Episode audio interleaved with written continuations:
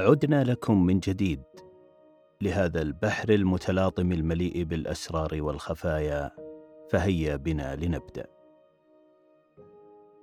وتبقى السياسة حالة من الغموض والمواقف المتغيرة والتي لا يمكن التنبؤ بأحداثها وتطوراتها. ولذلك وصفها عالم الفيزياء الشهير أينشتاين بأن السياسة أصعب بكثير من الفيزياء. حياكم من جديد. أنا رائد الحميد في بودكاست ساس والذي نتقدم لأسماعكم من خلاله بالقصة والمعرفة في عالم السياسة. ونخوض معا في أبرز المفاهيم والموضوعات. فاهلا بكم. في منتصف القرن الثامن عشر كانت أوروبا ترزح تحت وطأة الاستبداد والسلطة المطلقة من ملوكها. والذي عانت معه شعوبها واقعا مريرا أزمنة مديدة. كانت فرنسا أحد هذه الممالك وكان الملوك الذين يتولون على الحكم يزيد آخرهم أولهم بطشا واستبدادا. كان يحكم فرنسا حينها لويس الرابع عشر الذي امتد حكمه لأكثر من سبعين عاما. كان المجتمع يدور في فلكه فكان كالشمس والبقية من بعده. وكأن فرنسا كلها وجدت من أجله. كان له مقولة مشهورة وهي أنا الدولة والدولة أنا. وفي مرحلة نهايات حكم لويس الرابع عشر كان أحد أبناء العوائل المشهورة في إقليم جنوب فرنسا يعيش كغيره في كنف قرية وادعة في الطبيعة. وبين الحدائق الغناء التي زرعت في نفسه حب التأمل والتفكر في نظامها الرباني والبحث في خصائصها وتأثير فصولها وأنواع وأشكال النباتات التي أكسبته معرفة في بناء أنظمة الري وتصميم الحدائق. باحثا عن معارف وخصائص مكونات التربة والمناخ ومواسم الزرع والحصاد وفهم أساليب العمل والتتابع. حيث أن الزارع في سعي دائم للحصول على الثمر والظل والمنظر الجميل. درس هذا الشاب القانون وعمل في المحاماة، وانتقل بعدها لباريس ليصبح قريبا من مجتمعها، مجتمع النخبة والمثقفين، وتفرغ فيما بعد للكتابة ودراسة تفاصيل بناء المجتمعات، وبدأ أثناءها بتشخيص مجتمع باريس المريض، وما يحتاجه من علاج قد يصلح حاله. ليبدأ رحلة من التفكير في أشكال وخصائص المجتمعات والأقاليم وما يترتب عليه من اختلافات خصائصية وسبل لتطوير إدارة السلطة في الدول. بدأ بتدوين ملاحظاته عن مجتمع باريس ورصدها على شكل رسائل متخذا أسلوب التورية في النقد دون أن يدون اسمه. حيث كتبها كرسائل على لسان مسافرين قدموا من بلاد فارس إلى فرنسا ودون ملاحظاتهما عن مجتمعها. كان هذا الشاب الذي تفرغ للكتابة ودراسة المجتمع في طريقه لإحداث ثورة في تطوير الفكر التنظيمي السياسي، فقد رصد ودرس واقع مجتمعه وكتب حول حالته. وكتب متأملا أيضا حال الإمبراطورية الرومانية القديمة وكيف بزغ نجمها وكيف سقطت وما هي الأسباب في ذلك. كان هذا العمق دافعا لنظرته المتفحصة والبحث في الأسباب لذلك وأن الاعتدال والضبط في كل شيء هو أداة نجاح الدول محاولا الاستفادة والربط في معالجة الواقع الذي تعيشه فرنسا والدول على شاكلتها. بدأت معها الأفكار تتبلور والمفاهيم تتحدد لديه. في تصور الأسلوب الأمثل في شكل الدولة وكيف يمكن توزيع القوى لإدارة السلطة بطريقة تضمن عدم تضارب المصالح بأسلوب واضح تكون الدولة من خلاله قادرة على إدارة شؤونها دون تغليب مصلحة على أخرى مع الأخذ بمبدأ عدم تداخل المسؤوليات أو تعارض المصالح ليعكف على مؤلف استغرق في كتابته مدة لا تقل عن عشرين عاما. والذي وصفه بأنه مؤلف لا يجب أن ينشر إلا في دولة تؤمن بمبدأ التنظيم السلطوي وإلا فإنه سيكون مولودا بلا أم.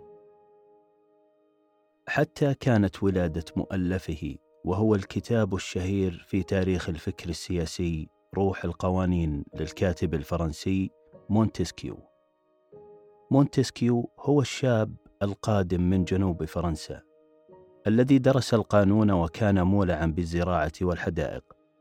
ليحدث هذه النقلة الفكرية في القرن الثامن عشر وما بعده حيث تأثرت بفكره الحكومات الحديثة في أسلوب توزيع السلطة الذي كان أول من أرسى هذا الشكل الجديد الذي تتوزع معه السلطة على ثلاثة أعمدة رئيسية وهي السلطة التشريعية التي بدورها تشرع القوانين وتعدلها أو حتى تلغيها.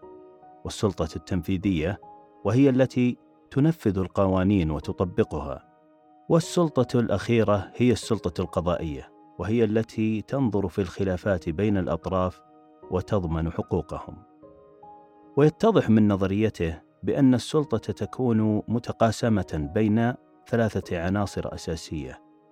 يكون كل عنصر مسؤولا عن جانب من جوانب إدارة شؤون الدولة وتكون بذلك السلطة هي التي تحد السلطة عن طريق المراقبة المتبادلة على أساس من التوازن والتعاون والمرونة وتأثرت الحكومات الحديثة بهذا الفكر ومنها المؤسسين في الولايات المتحدة الأمريكية حيث كانوا مؤمنين بهذه النظرية مما جعلها لاحقا الطريقة الأساسية لكافة الحكومات في تحقيق مفهوم الديمقراطية.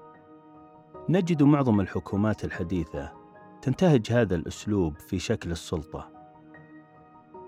كما أرسى أيضا من خلال كتاباته التحديد الواضح لأنواع الحكومات وأشكال الاختلاف بينها كتصنيف مبكر حول أنواع الدول. والتي خلص لأن تكون حسب رأيه ثلاثة أنواع وهي الحكومات الجمهورية وهي التي يحكم الشعب أو من يمثله من خلال قواعد نيابية تستخدم الانتخابات. والنوع الثاني هي الحكومات الملكية التي يكون الحكم وراثيا والشكل الأخير هو الحكومات الدكتاتورية الاستبدادية والذي يعد أسوأ أشكال الحكومات وعادة ما تكون التنمية ضعيفة فيه والشعارات المستخدمة رنانة وخادعة. هنا أنتهت قصة مونتسكيو مؤلف كتاب روح القوانين. ولكن بعد مرور هذه الفترة من الزمن على ولادة هذا المؤلف، أثبت مع الوقت هذا الفكر أهميته وصلاحيته في البقاء. بحيث تجد أن معظم الحكومات الآن المعاصرة تتكون من ثلاثة سلطات. قد تختلف بعض الحكومات في تطبيق هذا الشكل، ولكن المبدأ واحد.